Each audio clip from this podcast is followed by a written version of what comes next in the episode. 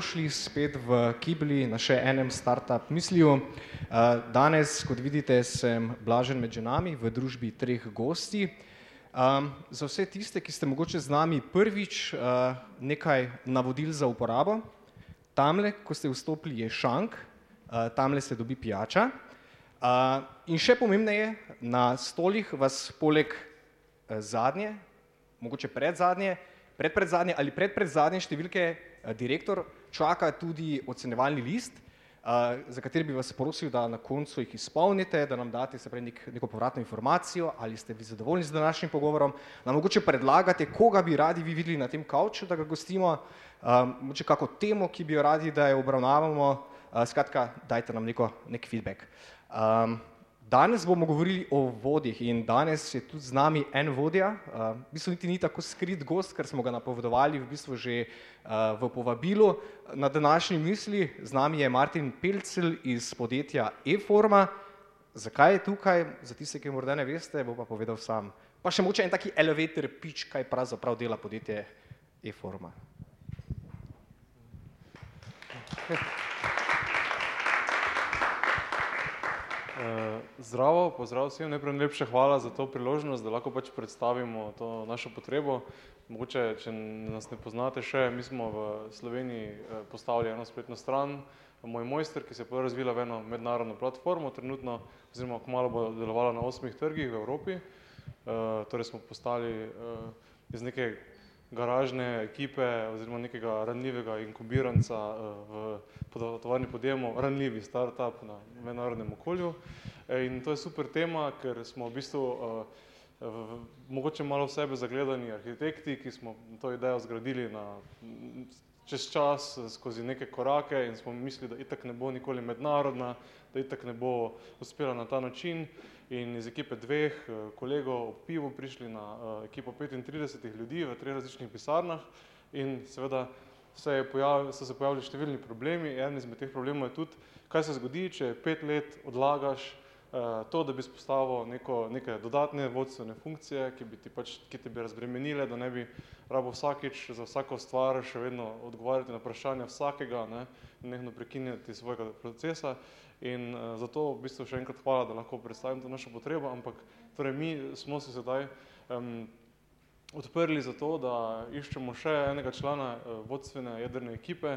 Torej, to je mogoče neka taka mičkena nenavadna ponudba, ker uh, v bistvu po petih letih delovanja pa torej v določeni kilometrini se že pričakuje, da je jedrna ekipa zgrajena, pri nas ima to dva. In, eh, če, eh, in v bistvu, kaj je naša potreba, je, da iščemo še nekoga, ki bi lahko eh, vodstvo razbremenil, ki bi lahko v bistvu približno enakovredno čez čas pač pomagal pri vseh procesih. Mogoče se v tujini temu reče Chief Operations Officer ali pa recimo nek Process Manager. Skratka, če poznate kogarkoli, če kdorkoli izmed vas kak hustler, ki bi se rad pridružil eni taki zgodbi, ki je rastoča, ki je kome na začetku pravzaprav, če veste za koga, ki bi ga kaj takega zanimalo, če je moče kdo izmed vas že poskušal v startup svetu ali pa je moče čez neke druge branže, uh, bi bil zelo vesel, da v pivu pokramljamo danes ob zaključku tega dogodka. Skratka, uh, ne omejujemo se glede izkušenj, ki jih pač eh, bi naj vi imeli, važna je neka motivacija, važno je, važno je to, da, da, da bi želel biti del neke rastoče zgodbe uh, in da te pač ni strah uh, v bistvu česarkoli in da bi pač mogoče se videl v tej naši zgodbi. To je čisto tako na kratko, uh, zdaj bi pa rad seveda dal našim zanimivim gostjem več besede, tako da če ima kdo, kakšne koli vprašanje ali pa kakšen lit, vsaki lit nagradim z pivom danes, um, prosim lepo, jaz bom tam v zadju čakal, polko se eh, ta zanimiv dogodek uh, zaključi. Tako da, evo, hvala za pozornost, hvala Aleš za predstavitev, pa torej, lepo se imejte na, na dogodku.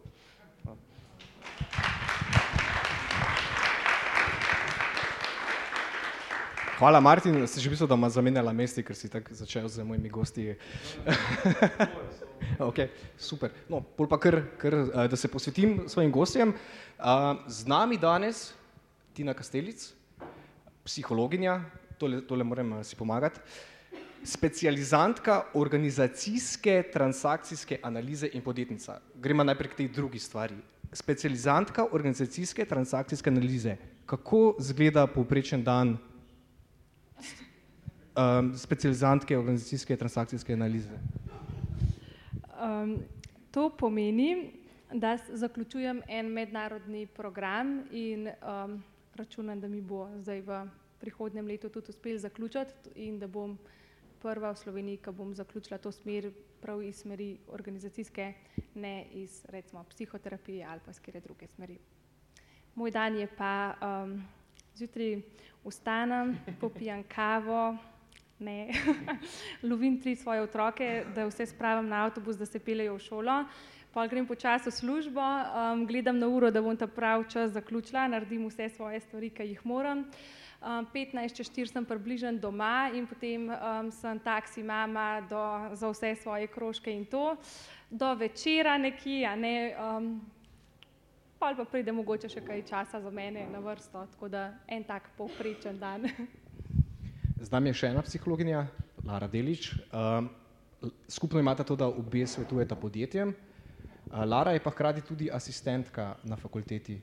Um, kaj raj delaš študenti, s podjetji? Uh, v bistvu sem zunanja sodelavka, uh, tako da sem vseeno bolj človek prakse. Uh, zelo rada delam za študenti, ampak mi je vseeno nekako um, HR je moja prva strast. Z nami je pa še nekdo, ki je imel oziroma ima izkušnje z delom na uh, univerzi oziroma v javnem sektorju, pa je bil presedlal v start-upovske vode. Mateja je začela, Mateja Verlič Brunčič uh, je začela Hvala. z Equalize ekipo že, ko so še bili študentje. Danes pa jih v bistvu spremlja na njihovi poti nagle rastoče, uh, mislim, nagle rasti tudi v tujini, nekje to podjetje Equalize je razpeto med uh, Slovenijo in Veliko Britanijo. In tvoja naloga tam je? Um, v bistvu sem presedlala iz asistentke na faksu, kjer sem menedžirala študente, na menedžiranje malo bolj odraslih študentov, ki niso več študenti in zdaj sem tam izvršna direktorica, ki pač puša lego kocke, da se lepo po, uh, zložijo skupaj v projekte, produkte, v deliverables, v, proje, v ne vem, zadovoljne stranke in tako naprej. Zdaj ta razpetost med Londonom in eh, Mariborom mogoče ni tako velika, zato ker je večji del development ekipe ali cel v Mariboru, no, tako da sem lokacijsko sem tukaj. Uh, glede na to, da imamo omejen čas, gremo kar k bistvu. Um, kaj oziroma kdo je dobri vodja? Kaj, je, kaj so neke lastnosti, značilnosti dobrega vodje, po vašem mnenju? Pa Mateja, mogoče če ti kar ti začneš. Prej sem malo še obljubila, da bom odgovarjala z eno zložnicami. Da. Okay, dobri vodja, ne vem, po mojem bi to morali vprašati eh, ljudi, ki jih vodje vodijo. Ne? Ker mi lahko imamo za sebe mnenje, da smo super, duper vodje, zato ker pač dosegamo neke naše cilje, ki si jih zadamo, medtem ko ljudi, ki jih vodimo, imajo mogoče drugačne kriterije. Ne? Zdaj za mene osebno, vodje, ki sem jih imela v življenju čast spoznati in so me dejansko vodili, so bili tisti, ki so me vedno postavili pred nek challenge, da sem lahko zrasla v challenge. Čeprav nisem verjela, da ga lahko naredim, so me pušnili ravno dovolj, da sem začela zaupati vase in sem presegla svoja pričakovanja. Potem za mene je dober vodja tudi tisti, ki, si, ki ve, kdaj se mora postaviti pred svoj tim, se pravi ne takrat, ko se trpla po ramenih, ampak takrat, ko shit hits the fan, ne? da zaščiti ljudi, s katerimi dela, zato ker na tak način si po moje gradi in pridobi neko zaupanje tima, hkrati pa mora biti valjda korekten do ljudi, ki so pa na drugi strani tega vodenja. Okay. Lara, kak, kakšni so tvoji pogledi na dobrega vodja? Kdo je dober vodja? Uh, pri me, v mojih odgovorih boste prepoznali, da jaz se govorim relativno, ne, odvisno od. Um, tako da na, tudi na to vprašanje zelo težko odgovorim. Uh, Z eno besedo, relativno. preprosto, relativno tako. Uh, mislim, da je zelo odvisno od tega, za katero okolje se zbira vodja, uh, ker je definitivno uh, v nekih kriznih časih potrebujemo drugačen profil vodje, kot pa takrat, ko nam gre vse po maslu. Ne? Uh, zato tudi prav govorimo o tem, o kriznih vodih, recimo bolje v tujini to uh, poznano, da so ljudje, ki, pri, ki pridejo v podjetje, uh, ko mu ne gre najboljše, ko je v rdečih številkah, uh, takrat pride avtoritarna oseba, ki udari po mizi, ki pove, kako se bo delalo. Ne? Uh, takrat tudi večinoma, tako kot smo v uh, zadnji krizi prepoznali, ni toliko časa za razvoj ljudi, pa za ujčkanje, ampak bolj za, um, za hard stuff. Ne? Potem pa, ko se pa zadeve umirijo, pa taki vodja več sam niti ne čuti, da spada v to okolje, ne? spet rabi novi izziv, pa pride nekdo, ki pa ima mogoče bolj ta materinski nagon v spredju, uh, taki se pač, uh, ki pobere paradajze, takrat, ko ne gre najboljše, pa se postavi za ekipo, takrat, ko so nekaj vredu naredili. Um, meni pa je, kaj pa je recimo moje tisto, kar kakšen vodja pa je meni všeč, ne? Uh, je pa tak, ki v bistvu vzgaja zaupanje pri zaposlenih in uh, jih vzgaja v odgovorne posameznike. Se pravi, da potem ta okvir zaupanja veča in da jih dela vedno bolj samostojne in da se lahko na področju, kjer so oni strokovnjaki, uh, da, da, da lahko se razvijajo tudi v avtoriteto na področju, na katerem so strokovnjaki. Ne. Iz tega pa izhaja potem, da vodja ne rabi delati vse, ampak je uh, tak. Okay. Uh, Tina, bi kaj dodala temu, se pravi, kaj so značilnosti dobrega vodja oziroma za tebe podprašanje, Ali mora vodja biti najboljši strokovnjak v podjetju iz področja, na katerem podjetje deluje? Ja, težko še karkoli dodam, no, sta bile kar izčrpne. Um, jaz, saj sem danes, eni ste že bili na mojem predavanju, prej že uporabila eno prispodobo in mislim, da vsekakor ne. Uh, mislim, da če pogledamo nogometno ekipo, da vodja mora biti trener, ne najboljši igralec. Ne? Uh, In um, tako, kot sem tudi prej rekla, ne, se mi zdi, da pri nogometu nikoli ne vidimo, da gre v ekipi res, res slabo, da se um, recimo na, en trener obuje v, v kopačke, pa v športen res, pa gre gole zabijati, ne, ampak dela čist neke druge stvari. In se mi zdi, da je to tista stvar, um, ki je ključna, da jo vodja naredi, da dela strategijo, da podpira tim, da zna najboljši s tima potegniti. Um, In definitivno mislim, da za določene stvari rabi dober strokovnjak, zaradi tega, da dobi kredibilnost. Ne rabi pa povsod najboljši strokovnjak. Um, vsako podjetje ima neko vizijo, poslanstvo, neke vrednote, v katere verjame. Kaj so te vrednote pri podjetju Equalize? Sem vedela, da boš to vprašal. Mi smo ponosni na to, da strmimo k odličnosti, čeprav vedno se ne da doseči, ne? ampak vsaj strmimo k njej da smo lojalni do sebe, do strank in da smo predvsem pogumni. Tako da ne zbežimo, ko se pokažejo prvi znaki, da nekaj ne štima ali pa da stranka mogoče ni vse najboljše ali pa da so konflikti znotraj tima, takrat pač se treba vsest pa te stvari razrešiti ali sami sabo ali stranko, v glavnem smo pogumni, no, to so naše tri kor vrednote. Se tebi zdi, da si ti utelešenje teh vrednot v podjetju? Absolutno, absolutno. ne vem. kaj kaj vi pravite, bi moral biti vodja utelešenje vrednot podjetja, poslanstva, vizije? Ja, jaz mislim, da, ja, da mora vodja prvi, da mora biti vodja prvi, ki verjame v to, in to živeti in potem prenašati tudi na druge zgledam. Mislim, da če vodje ne verjame, potem je tako, kot v zelo velikih podjetjih, um, ki imamo plakate z vrednotami, živih pa nobene. Absolutno. Okay, ja, absolutno utelešenje. Se to par zabralo retorično vprašanje, sploh ne bi prav odgovoril, sem pokimala bi pa. Uh, Lara, kako so pa vrednote pomembne pri iz, uh, izboru sodelavcev, se pravi, nekih novih članov ekipe? Um, je to eno izmed pomembnih delov, najpomembnejših delov, nepomembnih delov?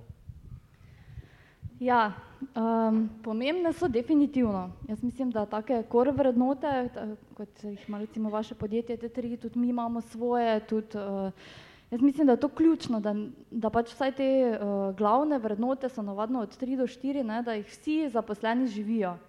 Uh, neki kritičen presek vrednotnega sistema mora obstajati.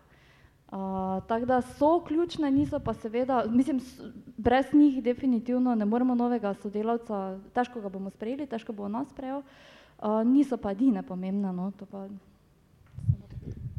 Mateja, prej si že umela, da si spremljala ekipo Equalize v bistvu že od zametka, od začetka, ko so še bili študenti na fakulteti. Um, kaj je bilo tisto lepilo, ki jih je povezalo, zakaj so postali ekipa, ki je danes uspela podjetje pripeljati do stopnje, kjer je. Verjetno si tudi tu nekje ti vmes, tvoj, tvoj Black Magic. Um, zdaj, prostite, če se ne bom spomnila, ker to je že kar nekaj časa nazaj. Uh, mislim, v bistvu se dobro spomnim, bili so posebni, zato ker me sploh niso potrebovali. Bili so something completely different, samo zadostni, pogumni, v bistvu te vrednote so imeli vse, ki jih imamo še danes, uh, upali so si povedati pa reči črnemu črno, belemu belo.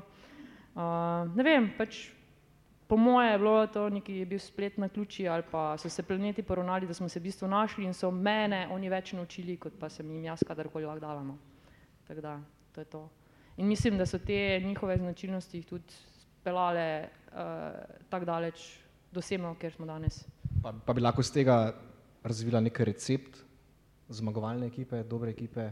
Absolutno, sem potem, alež se boš ob življenje. Če koga zanima, recept lahko kasneje tam na listu. Okay, upivo. Okay, okay. Tina, nam ti lahko zaupaš recept za zmagovalno, popolno ekipo? Ja, jaz mislim, da če bi obstajal, ne bi vsi po njem kuhali in bi imeli super ekipe.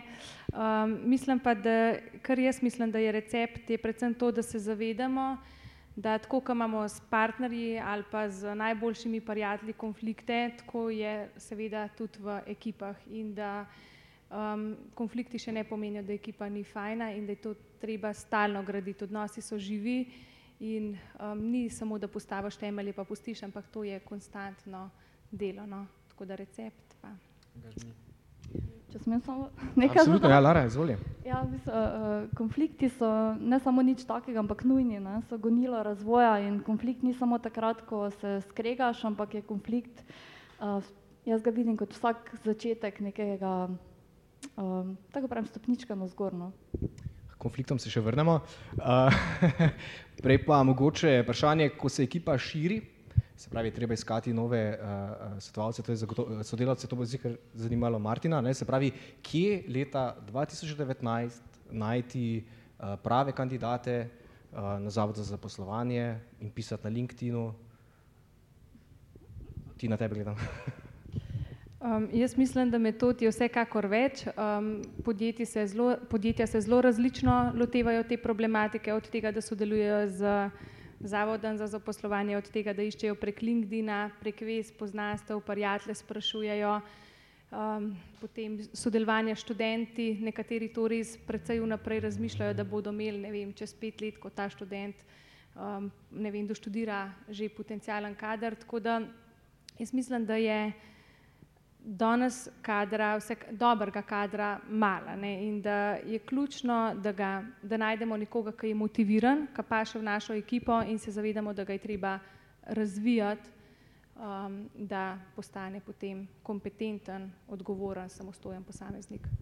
Lara, mikrofon ti srbi. Jaz sem trenutno pet razpisov odprtih, pa tega se to sicer ni moja primarna naloga, ampak tri smo zaprli. Uh, Uh, oziroma dva imam, se pravi, zdaj ne, v, uh, še pred nedavnim sem imela pet. Um, Facebook. Facebook je krasno orodje, uh, sploh kadar iščemo mladi kader, uh, sicer pa LinkedIn tudi, pa moram pohvaliti, pa bom zdaj reklamo naredila, če smem. Delo glasnik nam je zelo pomagal, ki se zelo trudijo trenutno, ker so prenovili portal. Super, delo glasnik se priporočamo za kakšno ne, sponzorsko. Se imamo zmenjeno tam za nami. Okay. Pomahaj sponzorjem. uh, okay, Mateja, kje pa, kje pa Equalize išče uh, člane ekipe na vse, Facebooku? Vse od naštitega. Zdaj odvisno tudi, kakšen kader si išče. Če iščeš vem, razvijalce, potem valjda vse kanale poskusiš, kar lahko od Facebooka, LinkedIna, spletne strani, dogodkov, konferenc, eh, osebno, prijatelji, znanci. Ne vem, ni da ni. Okay, pa zdaj, ko smo pa našli končno kandidate, kako izgleda zdaj tak nek onboarding ali pa ta proces izbora, kako izgleda to pri Equalize? Zdaj to je seveda stvar, bom rekla, posameznega podjetja. Načeloma je več krogov, nekih intervjujev, da se vidi, koliko je oseba recimo sploh sposobna, včasih pri developerjih se da tudi kak test. Uh, navadno je pa mogoče bolj pomembno, koliko ta oseba paše v samo kulturo podjetja, Um, tako da pri nas imamo dva, tri, štiri intervjuje, včasih tudi z različnimi ljudmi, ki bi lahko za to osebo na tej poziciji naprimer delali ali pa čist nekdo X, da vidimo in potem se usedemo in pogledamo, če vse štima. Tina, kako lahko naredimo te procese izbora čim bolj učinkovite časovno? Um, jaz vsekakor mislim, da je to odvisno tudi od velikosti podjetja. Ne? Če imamo nekoga, ki ima lasten HR ne, in se s tem profesionalno ukvarja, je stvar mogoče malo lažja. Ne? Včasih so ekipe relativno majhne, pa se v bistvu s tem ukvarja od začetka do konca direktor ali um, kakorkoli že. Um, vsekakor mislim, da to, kar si tudi ti izpostavlja, da je zelo pomemben, da se pogleda, da oseba res paše v tim, no?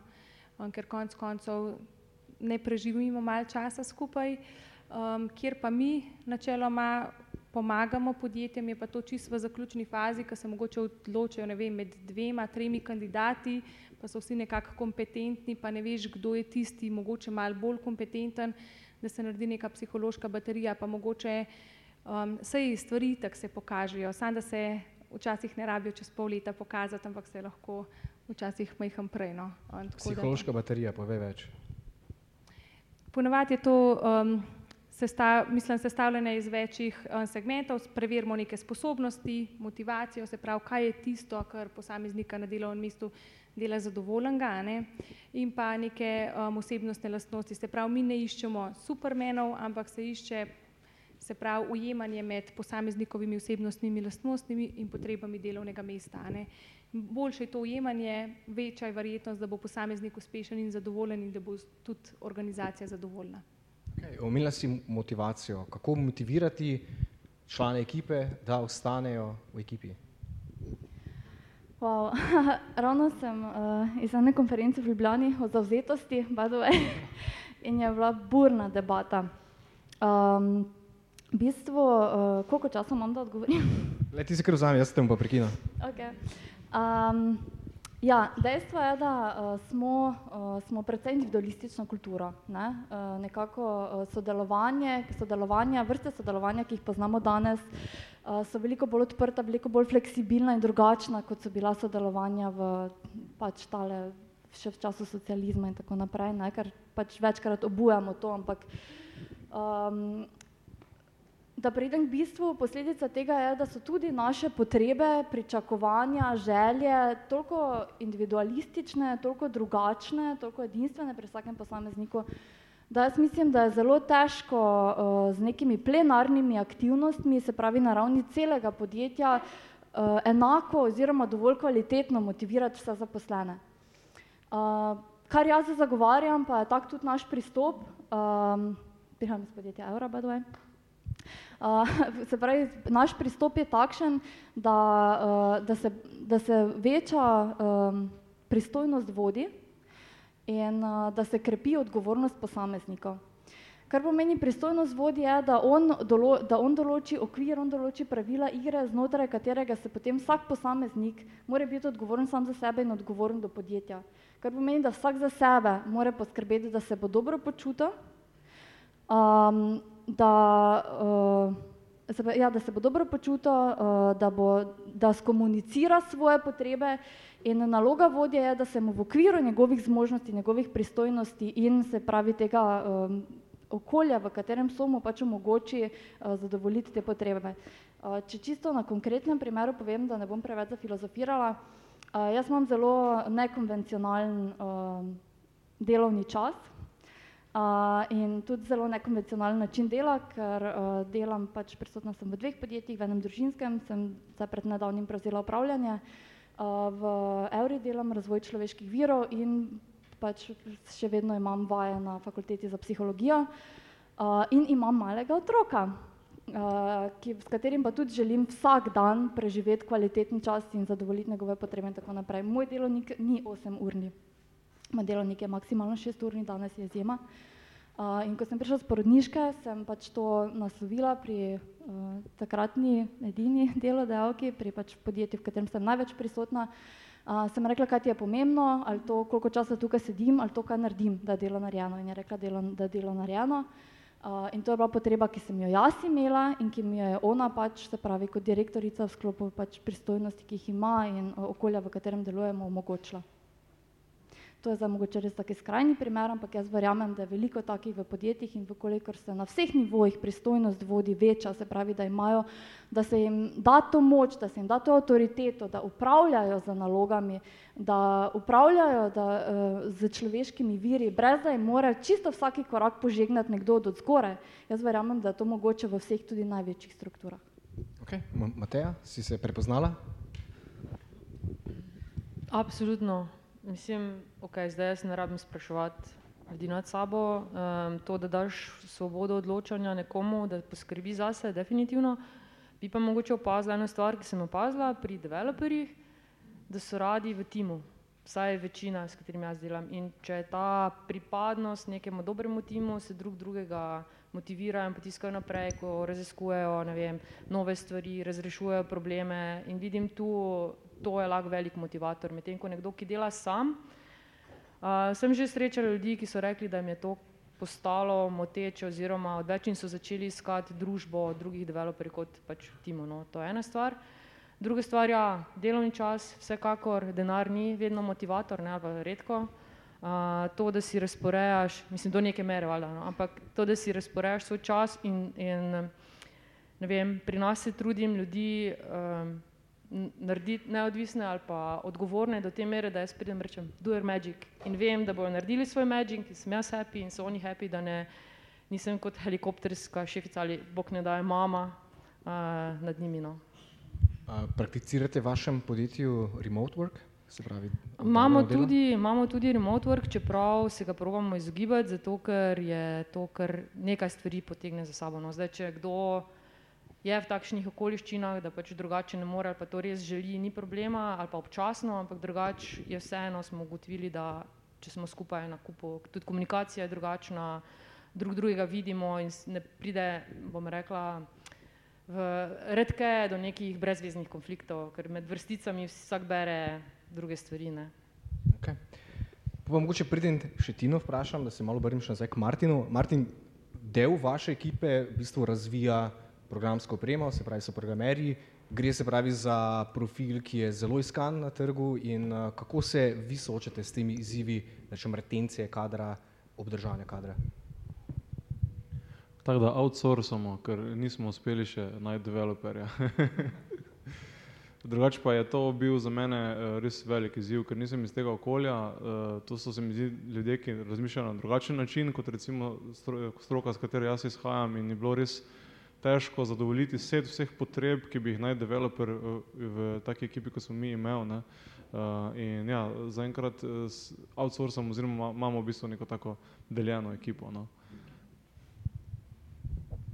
Da se vrnemo se pravi Tina, k, kako, kaj je recept, da obdržimo spet smo vse čas govorimo o recepti, kuharska, kuharska oddaja. Um, kako se pravi obdržati kader, kaj narediti, da je delovno okolje, kar se le uh, prijazno za njih, da se počutijo pripadne. Pripadnost verjetno ni nekaj, kar se da kar tak iz nič narediti, ampak verjetno je potreben kar nek pristop, sistemski pristop. Kaj praviš? Kar jaz, kar jaz opažam, je, da smo pri tem pridobivanju kadra v Sloveniji kar precej še, do, še dobri. Če nam samim ne uspe, pa že headhunterji pomagajo. In tudi imamo veliko metod, um, ki nam pomagajo. Se mi zdi, da tukaj pa, so pa redka podjetja, ki res sistematično delajo in ki tudi um, dolgoročno dosegajo pač neke rezultate. Um, jaz bi vsekako rekla, da se začne že na začetku, se pravi s tem, da najdeš prave ljudi, ki se dejansko lahko poistovetijo s tvojo kulturo, verjamejo in tudi nekako um, doprinašajo. Um, druga zadeva, ki se mi zdi pa zelo podobna, tudi kaj jo je že Lara izpostavila, da je tudi na posameznikih velika, ne, da moramo paziti, da ne gre za to, da kot podjetje ponudimo vse, ampak da se, da ker poj dobimo razvajene otroke ne, in tudi veliko podjetij ima danes s tem težave in je istočasno z nekimi bonitetami, z nekimi ugodnostmi. Um, treba razvijati tudi odgovornost. Se pravi, če nekdo pride do vas vprašati, jaz bi višjo plačo, ok, lahko se pogovarjava, ampak je treba postaviti pogoje, kaj je potrebno dodatno narediti. Zato, ker drugače v ekipi zelo hitro pride do tega, da so stvari ne fair, se pravi, dva delata isto, jaz se boljš pogajam za plačo, pa imam trikrat višjo plačo kot nekdo, ki pač on ne pride do šefa, pa to reče. Ne? Tako da se mi zdi vse troje, ne? se pravi, neki kultura, da v začetku zmerimo, neki so potem podjetje, ki vsekakor lahko poskrbi, da so um, da je neka osnova za to, da so lahko odnosi, pa da projekti normalno tečejo. Um, ta tretja stvar je pa tudi na posamezniku, ki ni čist nič manjša kot pa prejšnje dve. No. Neko nezadovoljstvo v podjetju je verjetno neizogibno. Um, kako je najboljše, Lara, kako je najboljše um, meriti nezadovoljstvo, zadovoljstvo? Um, na kak način dobiti to neko povratno informacijo strani zaposlenih z anketnimi listi? Ja, um, jaz, jaz se zagovarjam pristop iz večjih vidikov, ne, uh, ki potem da nek, neko bolj realno sliko. Uh, tako da ja, definitivno uporabljamo vprašalnike organizacijske klime, znotraj katerih je tudi so vprašanja o zadovoljstvu, se pravi ena izmed postavk. Uh, jaz mislim, da je krasno orodje, da res dobiš neko povratno informacijo uh, o zadovoljstvu na letnih razgovorih, letnih razvojnih, kakorkoli se zdaj pač to, kakšno besedno zvezo zapakiramo. Uh, letni razgovori ne v smislu, da se enkrat na leto vsedeš pa dve uri nekoga maltretiraš, ampak uh, jaz bolj pravim temu obdobni razvojni, se pravi, da v nekem doglednem času se vsedeš za 20 minut, uh, si vzameš čas za tega sodelavca, uh, izklopiš telefon, opozoriš, naj ti ne vdirajo v pisarno in res dobiš njegovo povratno informacijo. Potem so pa razne razni pristopi, ki pa jih navadno outsourcamo, Gamba Walk naprimer je zdaj full uh, aktualen, uh, zanimiva zadeva. Gamba Walk to pomeni, da en strokovnjak se en dan sprehodi skozi en poprečen delovni dan uh, s pol strukturiranim intervjujem, uh, izpraša sodelavce o njihovem delovnem procesu, o njihovem zadovoljstvu, o vrednotah podjetja ne, in potem se vidi dejansko, kateri sodelavci vrednote podjetja poznajo, kateri pa pač nimajo slike, da gradijo palačo, ne pa samo da točejo kamne. Ne. Uh, tako da ja, pristopov je veliko, to so eni trije, ki jaz mislim, da se nekako prevladujejo, Tina me boš dopolnila, še kaj sem pomembnega izpustila. Mislim, da zbla kar izčrpno. Mateja, vi prakticirate katero od teh tehnik, letni razgovori, verjetno? Jaz se moram upravičiti, ampak to zadnje eh, zveni kot sprehod po živalskem vrtu. Ja, nekako se... tak je veliko krat. Mislim, se vem, se verjamem. Zdaj odvisno je čisto od firme, bi jaz rekla, od velikosti, od strukture, od profila, od stvari, ki jih pač počnejo. Ne vem, mi se tega lotevamo mogoče malo bolj pragmatično, gremo skupaj na kakšne dogodke ali oviratlon, kjer si moramo skupaj pomagati čez neke ovire in skušamo uh, spostaviti zaupanje tudi med managementom in med recimo delavci, da ko pride do težave, da se to ne začne tam pri kafemašini, ampak pridajo pa rečejo, hej, tole pa zdaj ni kul, cool. ali pa ne vem, zdaj sem tok z njimi, da tudi vidim po obrazu, da stvari ne štimajo in grem jaz do človeka, pa ga vprašam, hej, meni se zdi pa, da nekaj ne štima. Zdaj, če imaš 200 zaposlenih, zvala tega ne moreš privoščiti pri nas, ko pa nas je, ne vem, 25 plus, pa, pa še gre, no. Se mi zdi, da ta uh, nivo zaupanja, ki ga imajo zaposleni do menedžmenta, se tudi na tak način pokaže, da ti pridajo povedati, ko so stvari tudi grde, ne samo, ko je vse ok. Ne? Okay, že kar nekaj smo povedali, mogoče če damo zdaj malo priložnost publiki za kakšno vprašanje. Ne vsi naenkrat. Martin?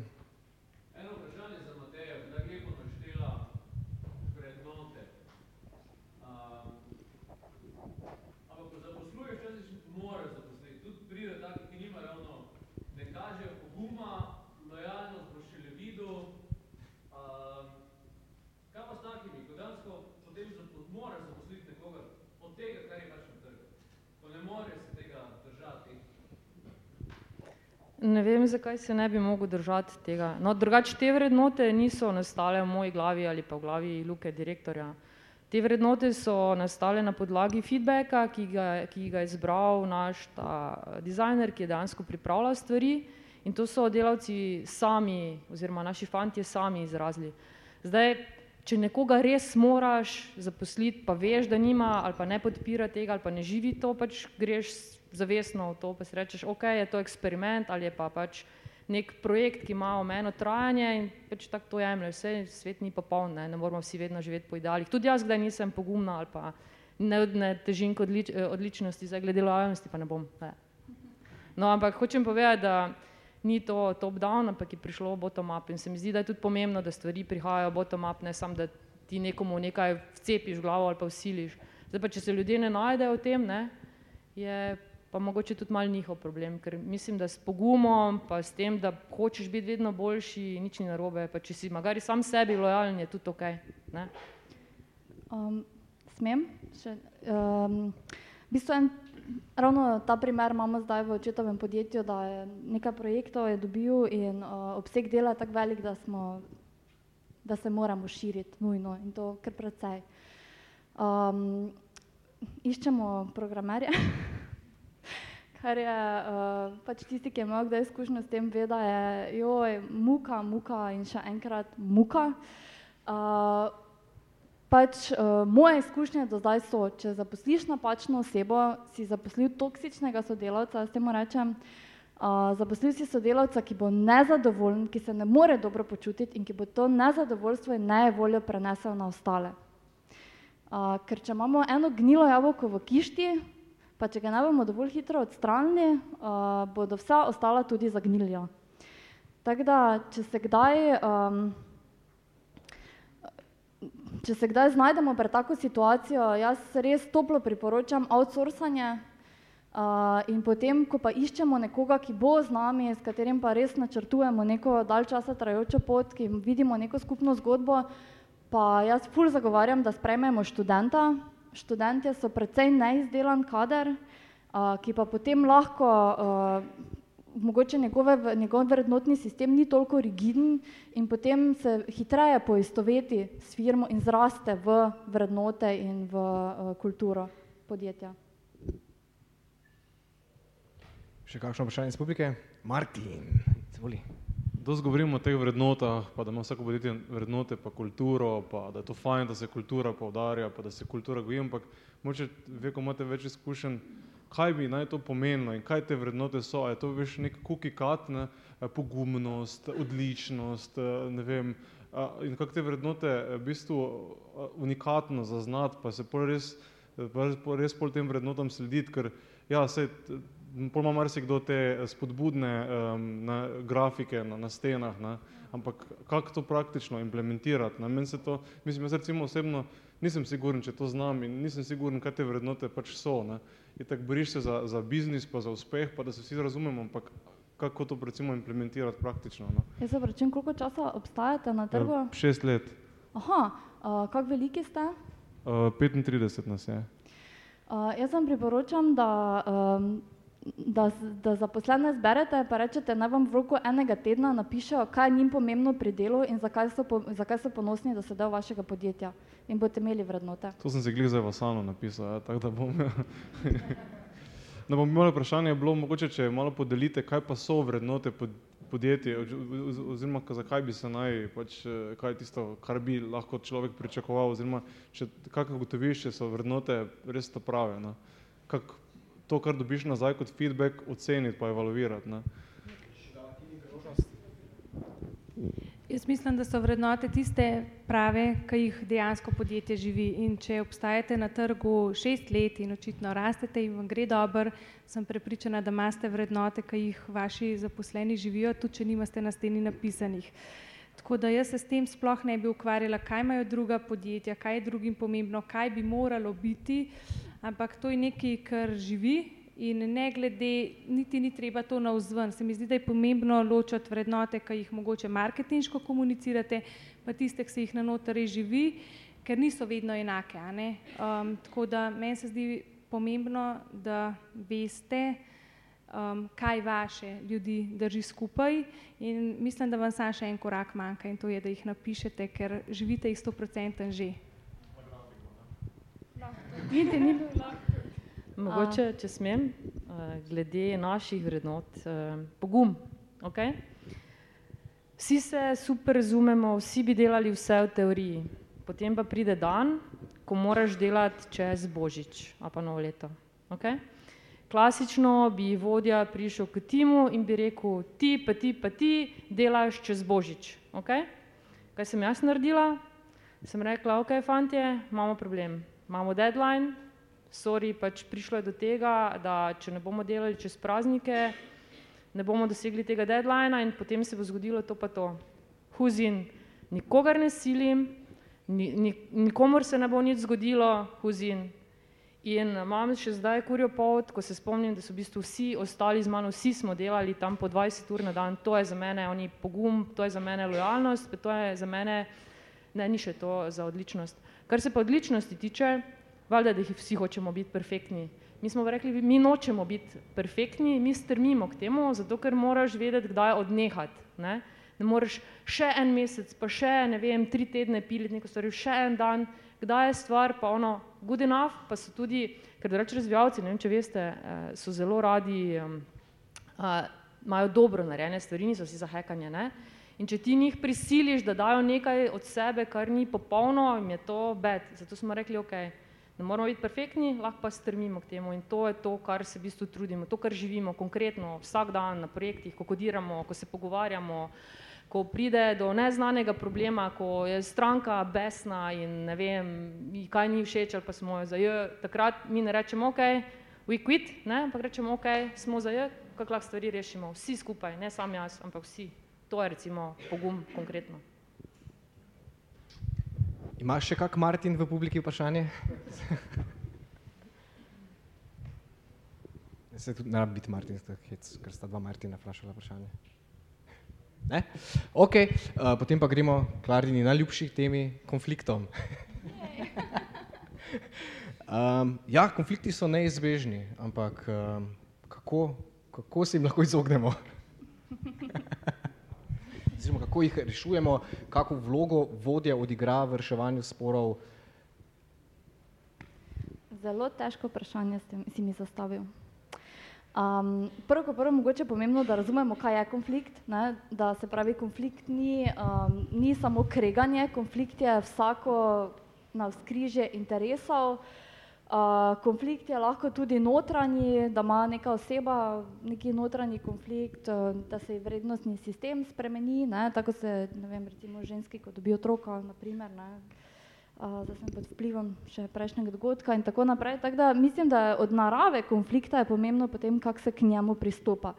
Jaz mislim, da najslabše, kar je, in to generalno za kakršenkoli konflikt, je, da se ga potlači, da se ga skuša spregledati in tako naprej.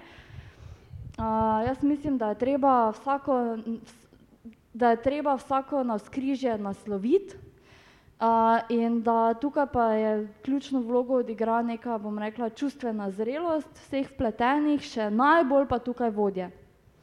Ne, se pravi, da potem da v prvi vrsti zna pomiriti neko, neko razburjenost, neko nezadovoljstvo pri posamezniku, da ga potegne na neko racionalno raven, in da se potem v bistvu zmenita, da si prideta nasproti, no, kolikor je to mogoče.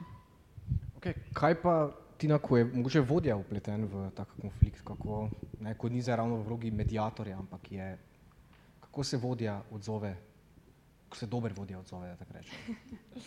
Ideal. Jaz mislim, da so tudi vodje samo ljudje.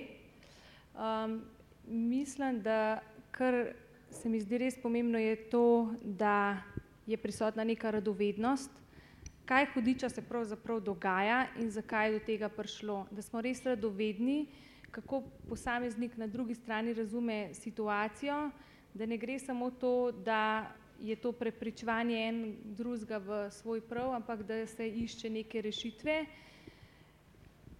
pa da se stvar nagovori, se mi pa zdi, da je tukaj pa je vloga vodje večja kot vloga posameznika, da ostane bolj miren, da da ostane bolj racionalen in da daje neki zgled tudi za druge. Jaz vsekakor mislim, da si vodja pač ne more privoščiti, da kriči po celi pisarni, zaradi tega, ker s tem v bistvu ne samo, da daje, da je nekonstruktiven za tisti konflikt, ampak v bistvu daje tudi zgled drugim sodelavcem, da je tak način komunikacije sprejemljiv in okej. tako da to je to. Mateja, se na Equalize kaj kregate? Za vse, ki so z Equalize, vejo, da jaz nisem idealen vodja. pride dan, ko tudi jaz kričim, ampak ne na ljudi, ampak na situacijo, če že.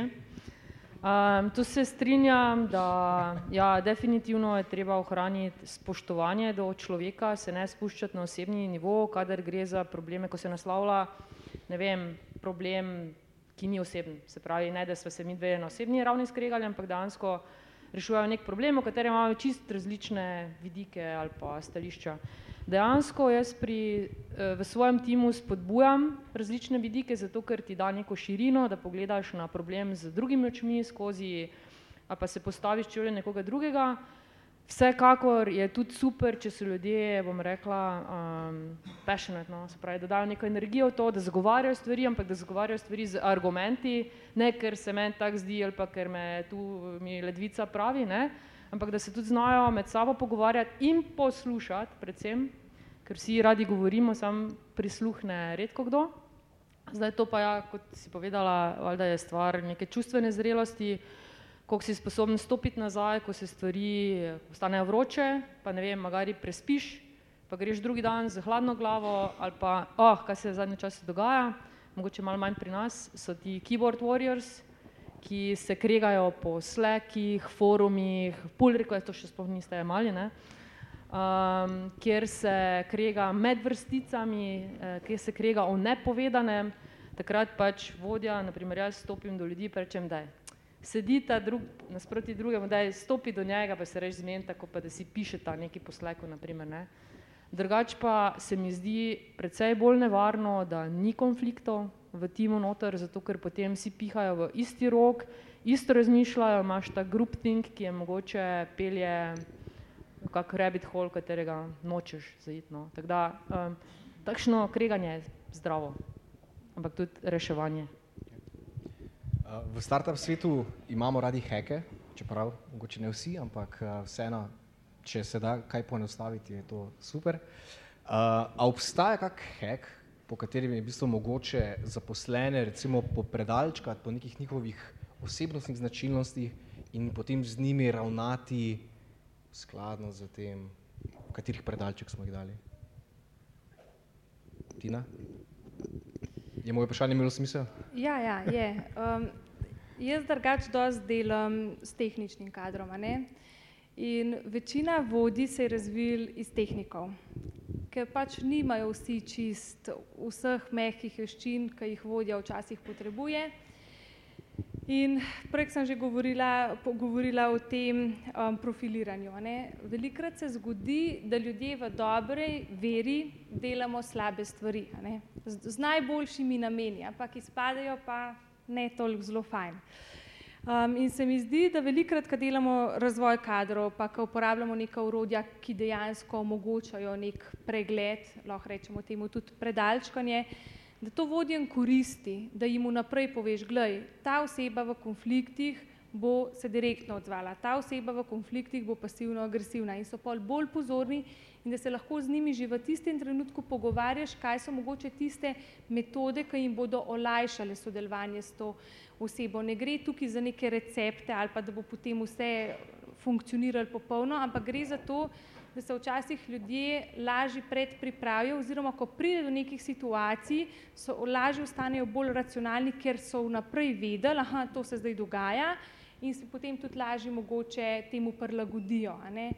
Ker včasih smo v situaciji, pa pojgruntamo, pa ča, sami smo čustveno upleteni in takrat, ko si nekako ful jezen, tudi ne boš razmišljal, joj, boh vej, kakšen dober namen ima ta posameznik tukaj zadaj, ampak v bistvu si tudi ti sam človek na nekem avtopilotu in se mi zdi, da takrat, da to vodjem pomaga. Ne? Seveda je pa različen, kakšen kader vodiš, mogoče to malo bolj iz tega, kar delam z teh, bolj z tehničnih profilov. No. Lara, bi ti kaj dodala temu? V bistvu ne. ne. Sprej, profiliranje, predalčkanje, je smiselno do neke mere? Um, Jaz sem človek, ki zelo ne predalčka, mogoče nisem pravi naslov. In tudi v tem smislu se strinjam popolnoma s Tino, da kadar delaš z tehničnim kadrom, kadar delaš z nekom, ki ni zdaj tak v psihologiji, pa mu je to že malo na neko ezoteriko ali pa vudu vleče, ne, um, je, to, uh, je to zelo uporabno in zelo koristno. In zato imamo mi našega zelo dragega sodelavca Igorja, ki ima uh, ki ima v bistvu afinitete do dela s takim kadrom. Uh, Tako da ja, uh, sigurno je pomembno, da ja, jaz se bolj, uh, bolj skušam približati vodji s tem, da razložim, da vsak ekstrem v vedenju je hkrati največji potencial, pa lahko največja, največji izziv posameznika. Ne? Da zdaj na nekem takem karikiranem primeru, pač nekdo, ki je blazno ustvarjalen, bo zelo verjetno se v veliki večini povezuje s tem, da bo zelo neorganiziran. Ne? Uh, nekdo, ki, je, uh, nekdo ki, je, uh, ki ne konfrontira, takrat, ko se z nečim ne strinja, uh, je potem to ne bo delal konfliktov, ne bo podaljševal sestankov, ne bo, ne, uh, bo na vides uh, vodljiv sodelavec. Uh, Uh, ampak hkrati pa to pomeni, da gotovo nezadovoljstvo potlačuje in ne strinjanje, zaradi tega, ker je nemogoče, da se vsi z vsem strinjamo in da smo vsi skozi zadovoljni. Uh, in če takega sodelavca spregledamo, mu bo na eni točki počel film in nam bo en super strokovnjak šel zaradi tega, ker ga nikoli nismo vprašali, kaj pa ti misliš. Ne? Um, tako da v tem smislu, ja, jaz mislim, da ti s Tino enako razmišljamo, do neke mere se strinjam, ja, uh, do neke mere je ključno neko predalčkanje, da je nekomu to uh, lažje dojemljivo, da je lažje predvidljivo, ampak moramo tudi pri tem predalčkanju biti pozorni. Pozorni pa zato, ker pač ljudje v resnici nismo en predalček in naše lasnosti so dimenzionalne. Ne, intenziteta, do katere smo, konfrontiramo, eh, je različna. Ne. Nekdo podivja, nekdo eh, to zelo cinično naredi, kakorkoli, v glavnem eh, smo toliko različni in toliko, da pač to potrebno upoštevati. No. Matej, ti veš, kdo v tvoji ekipi je bolj izoterik, sanjač? Absolutno. Svoje fante poznam, kot da so moji bratje in sestre. No, bratje, predvsem. ne imamo tudi punce, da ne bo pomote. Okay? ne, jih, jih tako dobro poznam, da jih imam na nek način po predalčkanju, da vem, da ne vem, pri nekom moram nastopiti mogoče malo bolj passive aggressive, pri nekom drugem se malo bolj previden ali pa z drugačnimi besedami spodbudim, ampak ja, definitivno pomaga, ko spoznaš ljudi ker tako več dosežeš, kot če uporabljaš kladivo za vem, mešanje testa za kruh in podobno. Če še malo stanemo pri tebi, se pravi, ko ekipa enkrat preraste, se pravi, tisto osnovno jedrno ekipo startupa in se začne širiti, se kaj hitro mogoče zgodi, da imaš sedem ljudi, ki so garači, trije, ki so sanjači, dva, ki mogoče se sončita. Kako se pravi, poskrbeti, da mogoče ne prihaja tukaj do nekih uh, notranjih težav med samimi zaposlenimi? Jaz mislim, da je v redu, če v te, takem primeru pride do notranjih težav, zato ker ti tim pomaga izločiti tiste, ki se šlepajo na nek način. Valjda se bo vedno našel kdo, ki poskuša koristiti uh, druge, zato da pride naprej, ampak načeloma v takšnem timu, kot imamo mi, ne moreš fejkati, no? ali pa vsaj nedolgo, te sleko prej tim na nek način izloči. Lara, vidim, da prikimavaš. Ha, se pravi, čim prej izločiti gnila jabolka. Mislim, čim prej izločiti. Pač ponavadi se, jaz mislim, da, da, delavci, da, da se v bistvu sam izločuje. No. Večkrat je to, ne vem, no, jaz lahko eno, en konkreten primer spet povem. Uh, imeli smo eno sodelavko, ki, uh, ki, ki mogoče ni bila tako naklonjena konfrontiranju ali pa mogoče ni bila tako nagnjena k temu, da uh, In ja, naša direktorica v dobri veri ful sila v neko, um, pač ne vem konkretno v prodajo, ker je ful videla v njej potencial, da bo ona prodajala in, in ona je nje nastavljala tam cele sisteme, kako bo ona prodajala in nagrajevanje, kaj vse bo ona nagradila, ko bo ona prodajala in tako naprej. Um, in v bistvu in obe sta bili blazno nezadovoljni, jaz sem takrat bila malo med dvema ognjema ne, uh, in v glavnem nikamor se nismo premaknili, je bilo neko vse splošno nezadovoljstvo in tako naprej, dokler na eni točki direktorica ni ugotovila, da ja, zdaj pa pač to ne gre več naprej, ne, ne moramo več tako sodelovati. In je poklicala na sestanek in je pač povedala, da zaključuje sodelovanje z njo in je nje tako odleglo, da je rekla hvala in da, da ona ni upala tega reči in da glavno tako naprej. Jaz mislim, da se nekdo, ki dela slabo, ker verjamem, da noben od nas ni zaključil s fakulteto z namenom, zdaj pa grem, pa bom nekaj tak za nič. Ne? Zdaj sem štiri leta naštudiral, da vem, kaj se ne dela, ne, da bom tam vse zmrdal. Pa. Jaz mislim, da vsak si želi biti dober in kadar v nekem oko, z nekim okoljem nismo kompatibilni in ne moremo biti dobri, da je v bistvu to obremenjujoče za tako za posameznika kot za okolje in je edino smiselno, za, da se pač tako sodelovanje zaključi. Kaj, ko pa si sodelavci delajo napake? Se, ja, motiti je vse človeško, ampak uh, kako dober vodja, kako se odzove na napake članov ekipe? Jaz mislim, da vsekakor s korektno povratno informacijo, um, ker včasih posamezniki niti ne vejo, da so naredili napako, včasih vejo, da so jo, pa ne vejo, kje v procesu je do tega prišlo. Tako da jaz mislim, da lahko imamo kulturo, kjer zelo kaznujemo napake, ampak to pomeni, da bodo ljudje zelo kmalo nehali delati napake in bodo zelo na varni strani, kar pa pol mal ni razvojno. Tako da se mi zdi, da je normalno, da smo jezni, če nekdo naredi neko večjo napako, se mi zdi pa zelo ključno, da damo neko ustrezno, konstruktivno povratno informacijo. In to takoj, ne čez pol leta, ne čez dva meseca, ampak takrat, ko je stvar aktualna, ko je sveža, da posameznik od nje govori, da je konkretna, da posameznik razume um, in da damo posamezniku tudi možnost, da razloži, um, zakaj je do tega prišlo, no, da se išče neke rešitve, ker konec koncev pro, do problemov bo prihajalo, do napak bo prihajalo. Um, važno je samo to, kako, tako kot si ti lepo rekla, ne, se pravi, kaj se takrat naredi, se pravi, da se išče rešitve, ne, a smo, a nismo, ne da se ukvarjamo z napako, napaka je že tam. Mateja?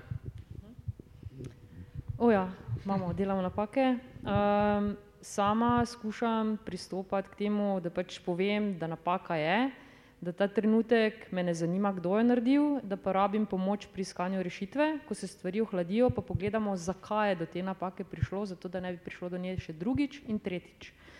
Zdaj, absolutno se strinjam glede takojšnjega feedbacka, zato ker sem tak ima oseba kontekst in lahko razume, zakaj je to bilo narobe, pa da se pove, zakaj je to bilo narobe. Um, Je pa res, no, da je potem na ljudeh samih, da to ponotranijo, pa gotovijo, da se morajo iz tega nekaj naučiti. Ker če se nekdo iz napak svojih ne uči, potem jaz osebno s takim človekom ne bi želela delati. No. Lara bi še kaj dodala? Um, ne vem, če poznate Sir Ken Robinson, uh, TED Talk je imel, če kaj spremljate ta portal. Uh, v glavnem en taki zelo, zelo gledan uh, govor, njegov je v bistvu predstavlja teorijo, da se vsi, vsi ljudje rodimo ustvarjalni, pa nas v bistvu uh, tale edukacijski sistem, se pravi izobraževanje, nas izuči ven iz te ustvarjalnosti, ker nam privzgoji strah pred napakami. Uh, in uh, ne vem, mo, po mojem mnenju ta teorija stoji do neke mere. Uh, in tudi to, da v bistvu, vkolikor nismo pripravljeni delati napak in uh, biti v zmoti, ne bomo nikoli ničesar originalnega in ustvarjalnega uh, od sebe dali, ker bomo na on the safe side, tako Tina rekla. Ne? Uh, tako da mislim, da so napake spet tako kot konflikti ključni moment razvoja, uh, ker vemo, kaj nam ni uspelo, pa lahko gremo tukaj naprej. Uh, je pa seveda uh, zelo pomembno, mislim, ni vseeno, ali je bila napaka narejena iz neke malomarnosti, uh, Um, ali tudi ali je napaka v bistvu v medosebnih odnosih, ne, uh, definitivno je potem od tega odvisno, kako se bo napako naslovilo in takošen feedback je seveda ključen. Uh, pa da se napake um, zgodijo, ne pa dogajajo. Mogoče že samo en komentar. Uh, dober vodja, po moje, to je moje osebno prepričanje, boste povedali, če se strinjate, mora tudi sam priznati, ko naredi napako. Ne delajo napake samo tisti pod njim, ampak tudi mi smo samo ljudje. Tako da tudi jaz rečem, hej, guys, sorči. Ja, jaz pol lepo si povedala. No. Jaz tudi mislim, da vodja je velik vzgled. Um, mislim, že s položajem je neka avtoriteta dana, ne, ki jo lahko si samo krepi uh, v tej formalni obliki še za neko. Um, in ja, v bistvu s tem, ko prizna napako, s tem da dovoljenje tudi sodelavcem, da se kdaj zmotijo. Če se tako ozrem po današnji publiki, kar nekaj tukaj je pripadnikov uh, generacije milenicev. Ne? A so milenici kaj posebni, uh, ko se tiče, ne vem, uh, kako pravilno ravnati z milenicem vizavi nekoga, ki je pripadnik generacije XY? Mene ja, gledaš? Tebe gledam. Uh, ja, jaz mislim, da uh, bolj kot so generacije mlade, bolj v ospredje prihaja ta, uh, ta individualizem, drugačnost, uh, fleksibilnost. Mislim, da je tukaj predvsem v ospredju fleksibilnost v vseh oblikah, in v oblikah mobilnosti, in oblik dela, in vse skupaj. Uh, ampak, če se ne motim, mislim, da je Tina bolj pravi naslov tukaj, ali sem te zdaj potisnila kam od mene. No? Mislim, da bo Tina bolj odgovoriti na to? jaz mislim, da vsekakor obstajajo razlike med generacijami. Um, bom pa tako rekla, meni je bilo zanimivo, ker sem že nekaj časa nazaj gledala te raziskave, ki se je toliko začelo tega govoriti. In podatek, ki je meni osebno zelo presunil, je bil ta, da v bistvu 95 odstotkov razlik je med populacijami, ne, ne je znotraj ene populacije, ne med populacijami. Ne? In se mi zdi, da velikrat pozabljamo, tako če pogledate sošolce iz osnovne šole, kot v srednji smo se že mali podobni najdala. Pa si na kakšni obletnici, pa gledaš okoli, pa ne vem, koliko imamo kaj skupnega, se pravi, smo si zelo različni, pa se nam zdi to čisto ok, pa v redu. In se mi zdi tudi, da zelo velikrat pozabljamo to, da smo tudi mi prehodili neko pot in da tudi mi nekoč nismo znali in vedeli. Ne? In polka pa znamo, pa vemo, smo pa kar naenkrat zelo kritični, pa netolerantni do tega, da nekdo ne zna, pa da hoče kar feedback. In enkrat sem tudi tukaj v Mariboru imela eno predavanje na to temo in sem malo provokativno vprašala, mogoče nam je pa kot staršem ali pa je našim staršem zelo dobro uspela. Ne? Sej vsi hočemo, da naši otroci razmišljajo svojo glavo. Ja. No, jaz sem mogoče kakšna dva, tri mesece nazaj bila v situaciji, ker sem bentla, a ti milenci, ker me pač en izmed njih uh, valjda spravil do, do stropa, na kar sem valjda googlala, kako se pogovarjati z milenici in službi valjda jamram, ti milenici gor, ti milenici dol, na kar ugotovim, da so vsi okrog mene milenici, jaz imam pa probleme sam z enim. Toliko v razlikah, ne? Na kar sem ugotovila je točno to, da, si, da se v bistvu razlikujemo medgeneracijsko samo po serijah in po glasbi. Tako da, ko jaz rečem, pač jaz imam tu dekado, pa še male razlike, ne.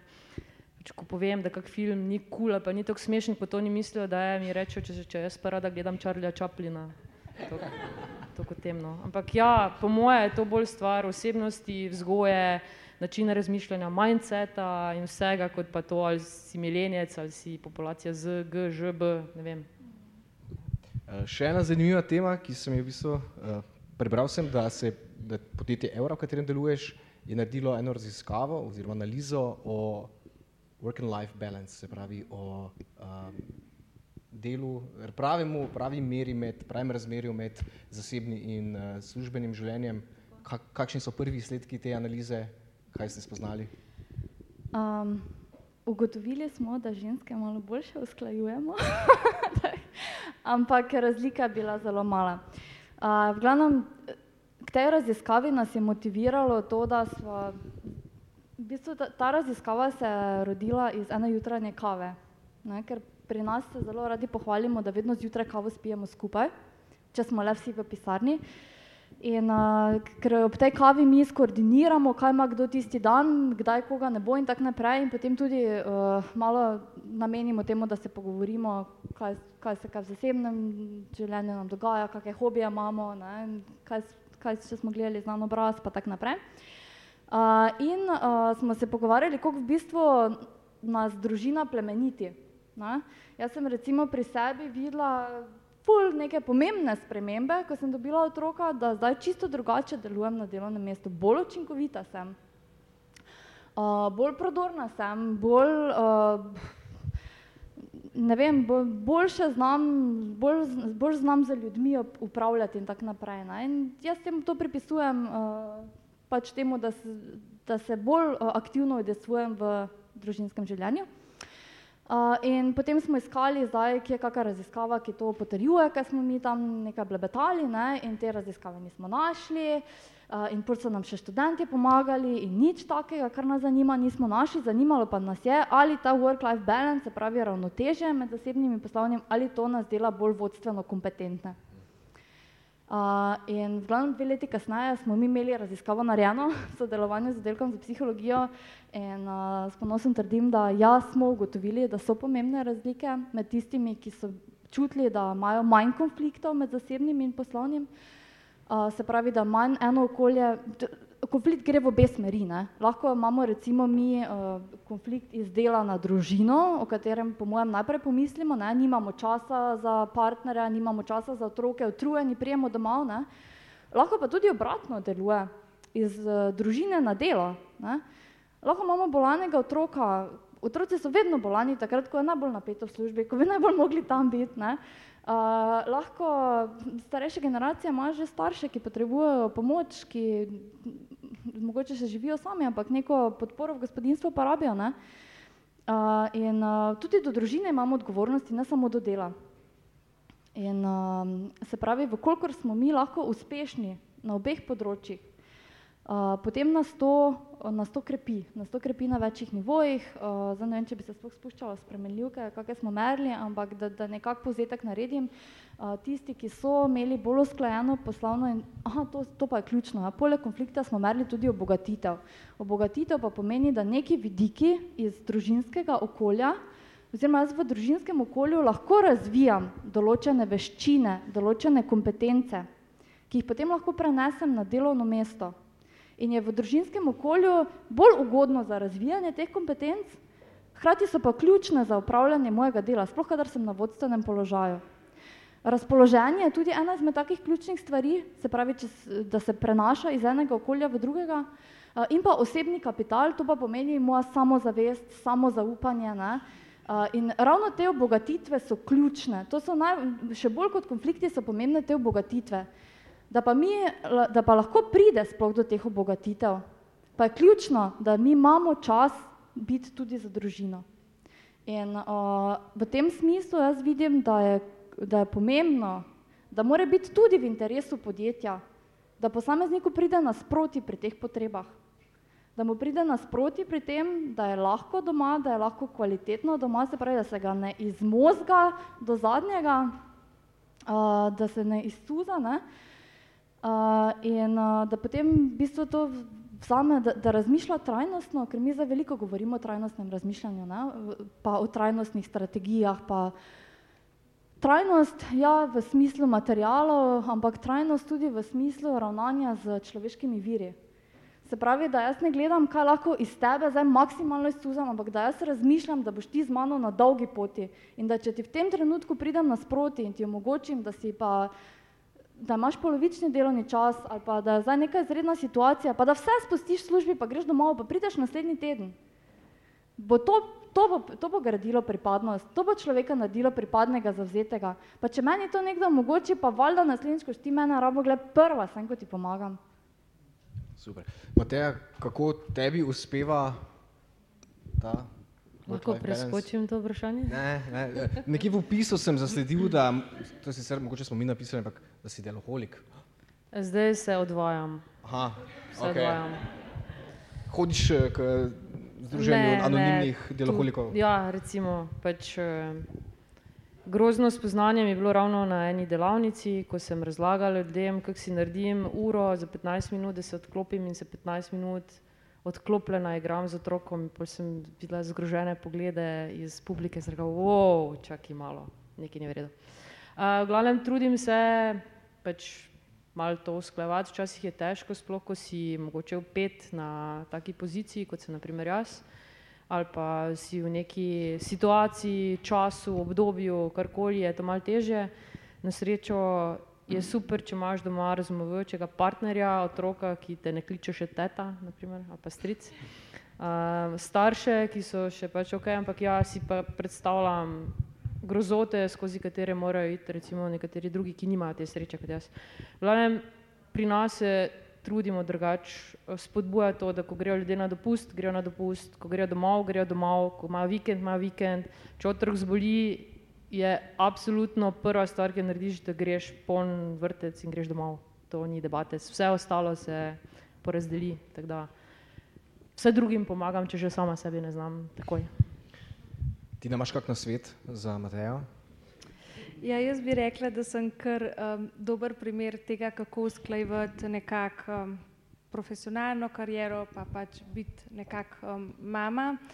Um, je pa tudi moja pot do tega, ni, ne prideš do takih spoznanj, za tega, ki ti v življenju tako fajn, pa imaš malo preveč časa, pa o tem razmišljaš. Um, In se mi zdi ena stvar, ki se jo tukaj v tej kombinaciji malo pozablja in ki jaz mislim, da je za me osebno enako pomembna kot to, da sem dobra mama in karkoli, da sem super pač v službi. Tudi to, da imam čas sama za sebe, za svoje aktivnosti, za to, da sem tudi mal sama, ker jaz v službi energijo dam. Meni se je ful dobro igrati z mojimi otroki, ampak jaz energijo dam. In včasih se enostavno rabiš tudi aktivnosti, kjer se ti napolniš z energijo. In če smo čisto iskreni, če imate otroke doma, veste, da se je super igrati z lego kockami. Sam, če jih jaz ne bi imela doma dveh fantov, sem kolo življenje sama, ne bi z lego kockami igrala. Tako da um, se mi zdi, da enostavno prioriteta in zavedanje to, da sem jaz kot oseba pomembna in da je to, kako se jaz počutim, najbolj pomembno. Ker če se bom jaz dobro počutila, če imela jaz veliko energije, bom lahko dala to naprej v službi in bom lahko to dala tudi svojim otrokom. In veliko staršev vidim, ki govori otrokom, ne, ja, um, pa glej, da ne vem, moraš imeti veliko časa zase, moraš biti v življenju um, zadovoljen. Kakšni pa so, ki govorijo utrujeni, izčrpani, nezadovoljni in v bistvu, jaz pravim, otroci si ne zapolnijo nekih situacij, ki starši pametujejo, ampak si zapolnijo takrat, ko vidijo mamo zadovoljno, pa polno energije, ali pa vidijo mamo iz dneva v dan izčrpano. In če se zase nismo sposobni potruditi, mogoče je na mestu vprašanje, kaj pa si za svoje otroke želimo. A si želimo, da bodo zadovoljni, polni energije, pa znali poskrbeti za sebe, a si mogoče želimo, da bodo deloholiki, ki bodo od jutra do večera delali, pa sploh ne bodo imeli nič drugega v življenju. Tako da Jaz mislim, da je tudi to bil en vidik, no, moji so sicer že malo večji od Lare, ampak um, sem recimo, no, od, od Laringa um, so že vsi v šoli, no, in se mi zdi, da je takrat, ko sem dobila otroke, pa je bilo vsega malo preveč, um, ta vidik ratov pomemben in sem o njem začela aktivno razmišljati. No. Um, ja, če smem samo še eno ja, izkušnjo ja, podeliti, najprej bom bistvu, da uh, Tini je res, Tina je meni vzgled, tako da to, kar govori, je čisto res. Um, drugače pa eno izkušnjo bi rada podelila, ki je bila meni zelo dobra šola, ki se mi tudi zelo drago plačala. No, mogoče s tem, komu prišparam kaj. Uh, jaz sem bila v bistvu taki povzetnež, uh, deloholik, pretirano ambiciozen človek, ki nisem znala reči ne, zaradi tega, ker sem se bala, da me bo nekdo prehitel, da ne bom dovolj pomembna ali kakorkoli. Ne. Uh, in uh, jaz sem bila vsak dan v službi do sedmih, do osmih zvečer. Uh, in uh, ful velike odgovornosti sem prevzela, prevelike, no, za, kar sem jih takrat zmogla. Uh, in v glavnem ta moja zgodba se je zaključila tako, da sem jaz pri 27 letih izgorela. Uh, jaz sem prej mislila, da si ne morem privoščiti odležati uh, tele angina, no, in sem hodila bolana v službo, v glavnem potem sem se pa sesula in se nisem več vstala, ne. en mesec se nisem vstala, pa še v Ljubljani sem bila, tako da to je bila cela, jaz mislila, da me infarkt zadev in tako naprej, v glavnem, um, jaz sem bila pripričana, kak ključni člen sem za to podjetje in tako pravim, kak si jaz ne morem privoščiti, da bi en dan manjkala, na koncu pa sem obležala in ne boste verjeli, svet se je vrtel naprej. In oni so bili v eni neprijetni situaciji, zaradi tega, ker pač ni bilo neke prave predaje dela, ker ni bilo predaje informacij, ker jaz pač nisem mogla takrat nič. Jaz si prej nisem predstavljala, da bi en vikend bila doma, potem pa en mesec prespala. Uh, ampak so se znašli. In firma obstaja še danes, oni so šli naprej, oni so pač najprej so pomislili, mislim, reorganizirali so delo, outsourcali, v glavnem naredili so vse, kar narediš za to, da preživiš in preživeli so. In tudi meni spomenika noben ni postavil. Um, tako da v bistvu, jaz mislim, da, uh, da se vodje, delodajalci, sodelavci moramo zavedati, koliko je vsak posameznik vreden, kako pomembno vlogo odigra pri skupnem cilju. Um, hkrati pa se mi sami moramo zavedati, da, uh, da smo nadomestljivi, da doben od nas ni nenadomestljiv uh, in da ene stvari v življenju zamudimo in nikoli ne pride več nazaj. Uh, in zato jaz delam šest ur, ker vem, da moj otrok bo enkrat zrasel, nikoli več ne bo otrok. Uh, in mi je ključno, da sem z njim uh, in v resnici ničesar pomembnega v službi do zdaj še nisem zamudila, odkar na tak način delujem. No. Hvala lepa. Okay, uh, pred mojim zadnjim krogom vprašanj, še zadnji krog vprašanj iz publike, Matej.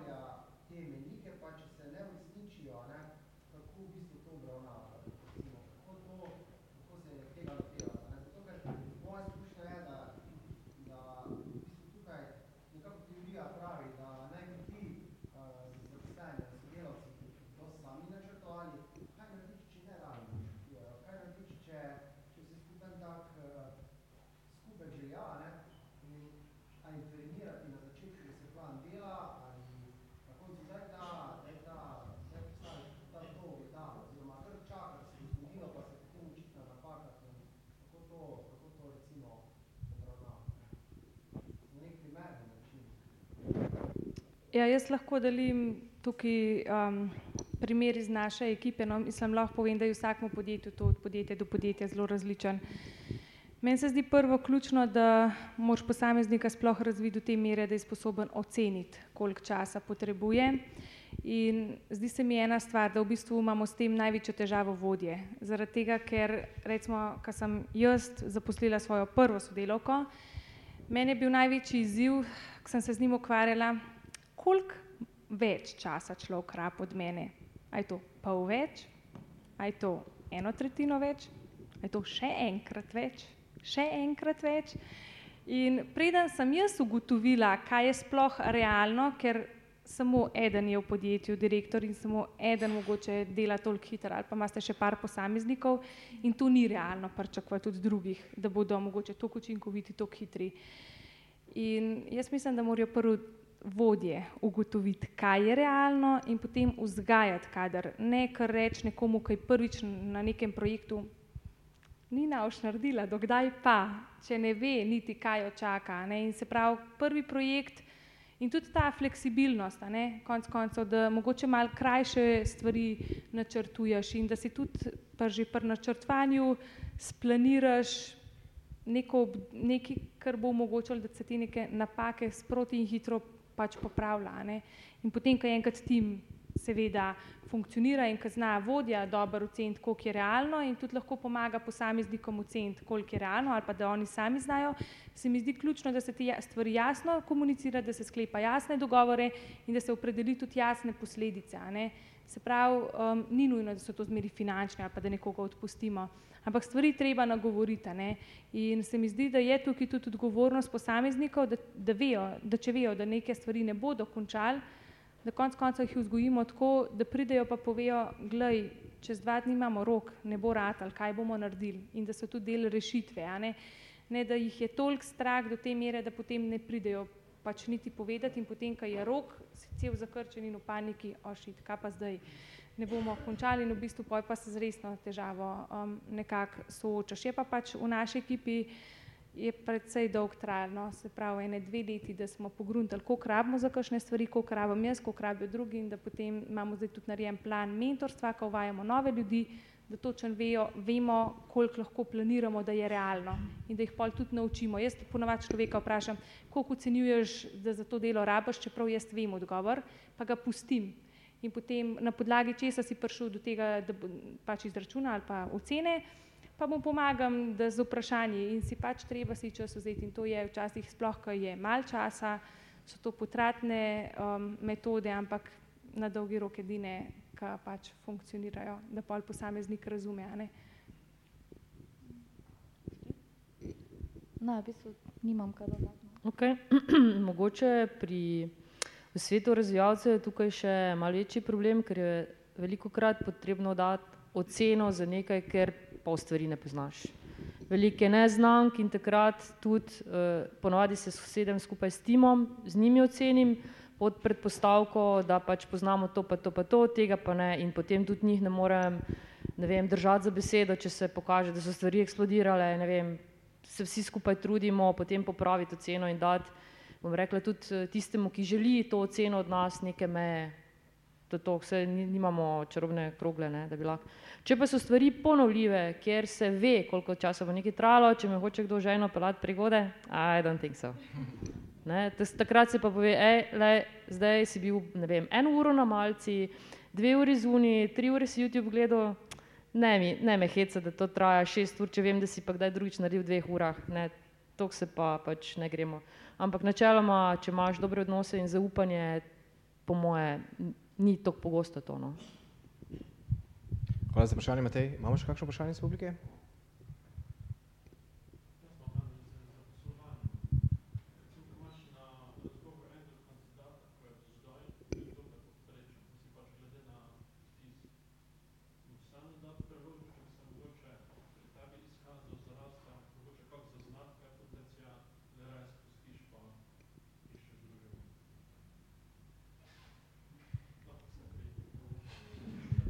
Če še Lara začne.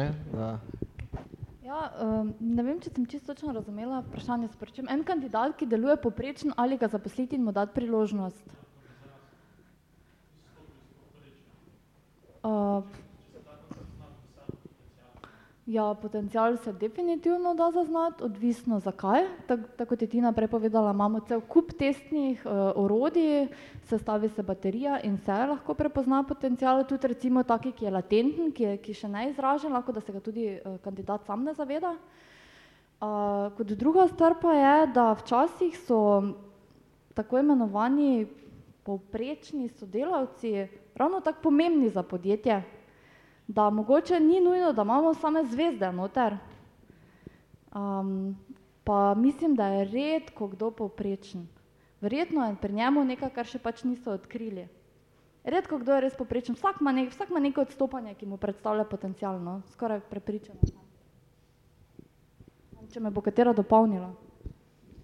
Jaz sem bila zadnjič v enem podjetju, ko zdaj izvajamo ene analize in govorim z direktorjem, mu postavim vprašanje, na kakšen način pač oni izbirajo ljudi.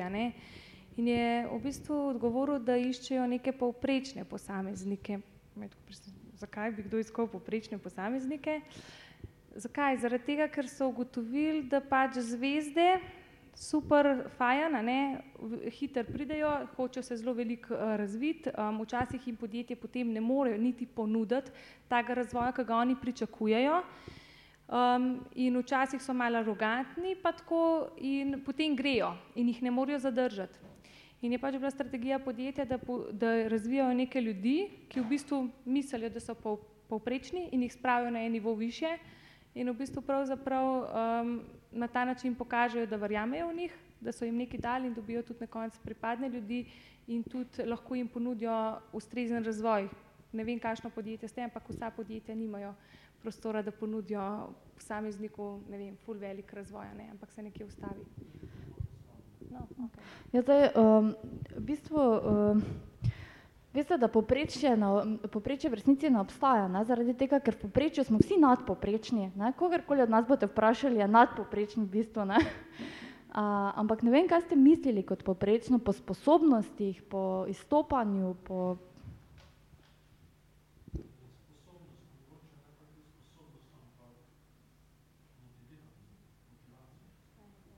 Aha.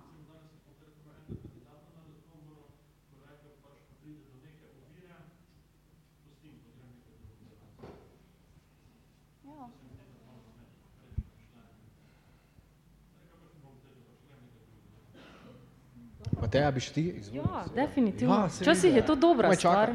Včasih je to dobra stvar, zato ker nočeš ljudi, da se ti zakopljajo v en problem, pa jih čez dva meseca ti kopleš ven, ker so se nekam zakopali. Ne? Da, če ugotovijo, da je problem, ok, tole se ne da rešiti zdaj, jaz pa rabim rešitev zdaj, definitivno rabiš človeka, ki bo rekel, ok, probam nekaj drugega. Ne?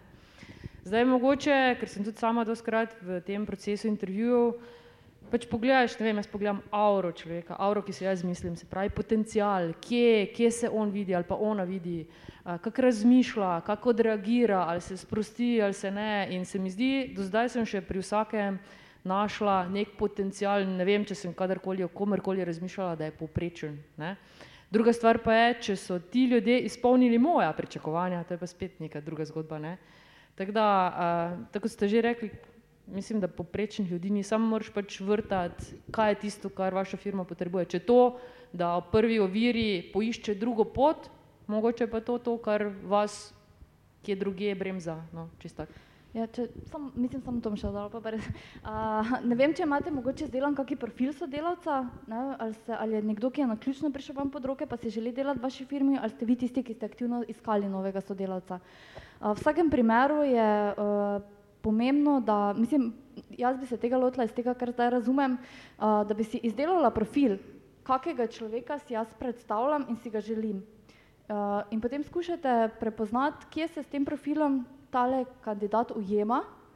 In tudi znotraj tega profila, ker verjetno niso vse lastnosti, vse njegove značilnosti enako pomembne, katere so tiste ključne sinke no, in če se na teh ne se opada, potem imate odgovor, potem tale poprečen ni za vas. Če pa se z vsem drugim paše noter v profil, pa je mogoče to ena stvar, ki vsak izmed nas prenese kufer.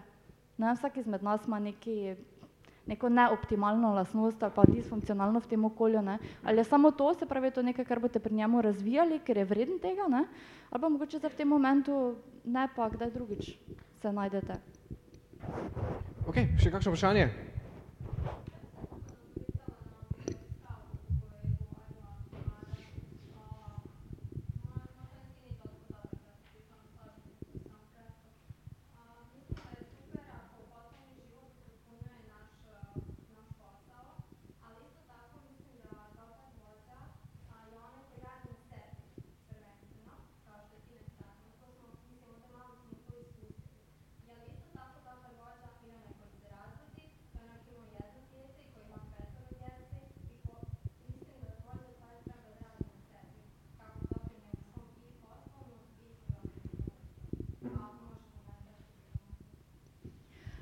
Uh, ja, se strinjam, da ste eno zelo pomembno, uh, v bistvu en zelo pomemben izziv naslovili. Uh, balans se razlikuje. Kaj za, nekoga, kaj za mene pomeni balans, je nekaj čist drugega, kar pomeni za kolegico Mateja. Ti se čutiš balanco? ja. No, ampak recimo za, za, mene, uh, za mene pomeni balans, da mora biti vsako popoldne z mojim otrokom. Dobro, tudi v takem razvojnem obdobju, ne vem, mogoče, ki me zdaj res bolj potrebuje, pa me kasneje ne bo tak, ne. Uh, Um, ampak ne vem, da, da ima nekdo uh, obolele starše, ne, če zdaj spet rečem, ali pa ne vem, babico, ki, ki si je v tem trenutku zlomila nogo ali pa nekaj, pa si on želi čuti od, odgovornost do nje, da bi rad pomagal.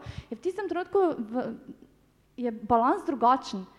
Uh, za nekoga je generalno skozi celo življenje ne, je, je pomembno, da, da, več, uh, da, da več časa preživi v službi, moja karijera bolj pomembna. Uh, ampak se on čuti v balansu, če lahko na, uspeh, na obeh področjih um, uspešen. Ne? Se pravi, kaj za njega pomeni, da smo uspešni, je pa različno od posameznika do posameznika.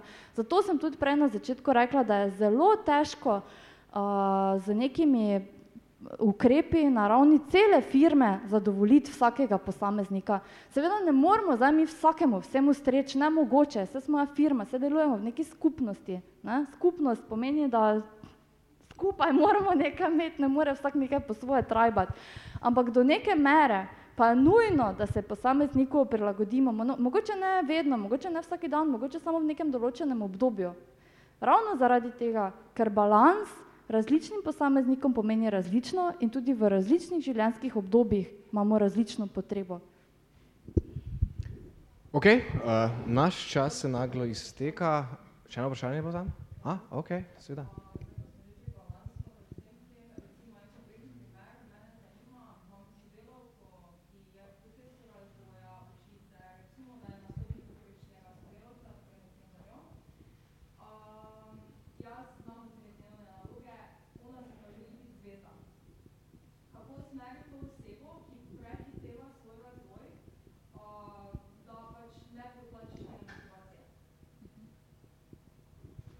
Tina, če mi dovoliš, Lara? Um, jaz mislim, da je to zadeva, ki jo je treba odkrito nagovoriti, se pravi, da se osebi konkretno da povratno informacijo, ki jo zaenkrat vidite in na podlagi katerih kompetenc to ocenjujete. Ocenite tudi možnosti, če so, če so možnosti, da je ona zvezda in definirate pot, kaj ona še potrebuje in kako boste vedeli, da je tam. Meni se zdi pomembno, da se o teh stvarih pogovarja um, in najslabše, kar je, je, dajmo se ne pogovarjati o tem, pa pustiti stvar tako, kot je. Ker um, če se oseba želi, rab samo usmeritev kam in definirati merila, ne? se pravi, da se razvija še ta odgovornost, se pravi, kaj ji še manjka, um, ker um, mogoče tudi ona misli, da je bistven boljša, kot je, in tudi zaradi tega to pa pomeni, da vodja ni upravil svojega dela, ne? da ni realnega feedbacka. Ne? In tukaj je zelo pomemben, da je sproten feedback, da osebo sproti postavljamo na neka realna tla in z njo tudi gradimo nek plan za naprej. Ne? Da se točen ve, pove, kaj moraš še narediti in kako bomo to zmerali, da boš ti tam, da bomo vsi vedeli, da ste tam. No. Eno, mogoče čisto moja izkušnja z um, zvezdo v tem smislu. Ne? Uh, če, če v enakem smislu mislimo, taki ljudje, ki imajo zelo visoko mnenje uh, o sebi, um, uh, lahko tudi mogoče malo da neko, na neko narcisistično strukturo vleče, uh, v bistvu, ko dobijo neki negativen feedback direktno, uh, ne bodo, ga ne bodo poslušali in ga ne bodo sprejeli, ker v bistvu s tem to bodo razumeli kot osebni napad, ne veš kaj ti pa nisi tako kul, ko misliš, da si ne. Um, tako da ti priporočam mogoče, da pohvališ, da pametno pohvališ ne? nekaj, kar ona, deja, mislim, mogoče dejansko nasloviš to, nje, ta, to njeno zagnanost. Uh, ker bo v tem potem prepoznala, da ji hočeš pomagati in boš s tem naredila prostor za ta negativni feedback. Ne govorimo o sandwich tehniki, ali kaj že tiste bo, ja, pohvalijo, Ampak- skregaj, pohvali, ne. Uh, ampak res naredi prostor za to, da, da bo ona prepoznala dobro namernost v tem, no. Kako je tvoje mnenje o zvezdnikih? Mislim, da smo se enkrat pogovarjali o tem. O katerih zdaj o pevcih? Ne, ne, ne, o zvezdnikih v podjetju, o Em. top shit programerjih. Včasih se mi zdi, je fajn, da so, da drugi vidijo, kakšni ne biti.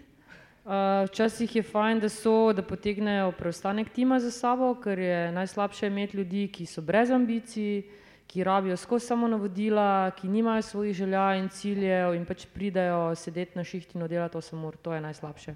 Pol reč vidim, da imam enega zvezdnika, zvezdnika, ki ga vsi skozi malo po strani gledajo, pa so malo favš, po drugi strani se pa trudijo, da bi, mu, bi, bi prišli blizu. Ne? Tako da moj nasvet bi bil, v bistvu, ja, kar ste že vidvi rekli, ampak da, ja, da to ne zgleda, ta kritika ne zgleda, o, tam je pa favš, pa me hoče potlačiti. Ne. Dejansko je treba malo spodbujati to, ta, um, ta zagonja, dejansko in željo se na nek način pokazati, ampak definitivno pa rabijo ali pa rabimo vsi, kdaj pa kdaj kak reality check. Zdaj, če ta reality check pride iz same izkušnje, je mogoče boljše, kot če je povedan, ne vem. Vse se lahko da, se poveča malo uh, pričakovanja, pa malo odgovornost, pa se pol vidi, kakšni so rezultati. No, ne vem, pač eksperiment. Okay. Kar nekaj na svetu smo danes slišali, uh, ampak zdaj pa za finale, en tak sprint skozi moja vprašanja, kjer boste dali en tak actionable advice, ne, nek nasvet, ki ga lahko jutri, kar je sicer že čez uh, tri ure pa pol, uh, lahko uresničimo. Začeli bomo pri tej, Mateja. Kaj lahko storim jutri, da bom boljši vodja? Kaj lahko storim danes, da bom boljši vodja? Še boljše vprašanje, boljše. zdaj pa odgovori na njega. Ne vem, narediš introspekcijo, koliko dober vodja dejansko si, da ugotoviš, kje imaš ti šibke točke v komunikaciji z drugim, v handlanju stresa, v bistvu vodenju ekipe in da narediš sam svoj reality check, da vidiš, če si dejansko tako dober, kot misliš, da si. Super. Tina, kako skrajšati postopek iskanja popolnega kandidata? Ker tako na primeru Martina. Kaj naj Martin jutri naredi? Prva stvar, ki se ostane, zato da bo prišel do idealnega CEO-a. Jaz mislim, da najprej rabi bazen, iz katerega bo um, izbiral, tako da um, mislim, da tukaj kakšne hitre poti ni. Najhitrejša so po moje headhunterji. Sorry, Martin. Okay. Uh, Lara, vprašanje, ki si ga verjetno pričakovala. Kaj lahko storim jutri, da bom imel boljše ravnovesje med uh, zasebnim in poslovnim življenjem? Kot vodja. Mikrofon. A, pardon. Um, ne vem, mogoče da se vprašaš, kaj si, koliko ti je kaj pomembno, da si, ne, da si sestaviš lasten vrednostni sistem. Verjetno organsko nam nastane, ampak ga je včasih treba um, ubesediti, ne? mogoče na papir napisati, pa se potem vprašati, ali res ravnaš v skladu s tem. Ali je nekaj, kar si želiš, nekaj, kar pa potem se dejansko v praksi pokaže. Odlično, hvala lepa za ta za res take praktične nasvete. To je bilo to z naše strani danes. Uh, Hvala gostem, ne, super ste bile. Hvala publiki. Uh, Z nami spet čez 14 dni. Lepo se imejte.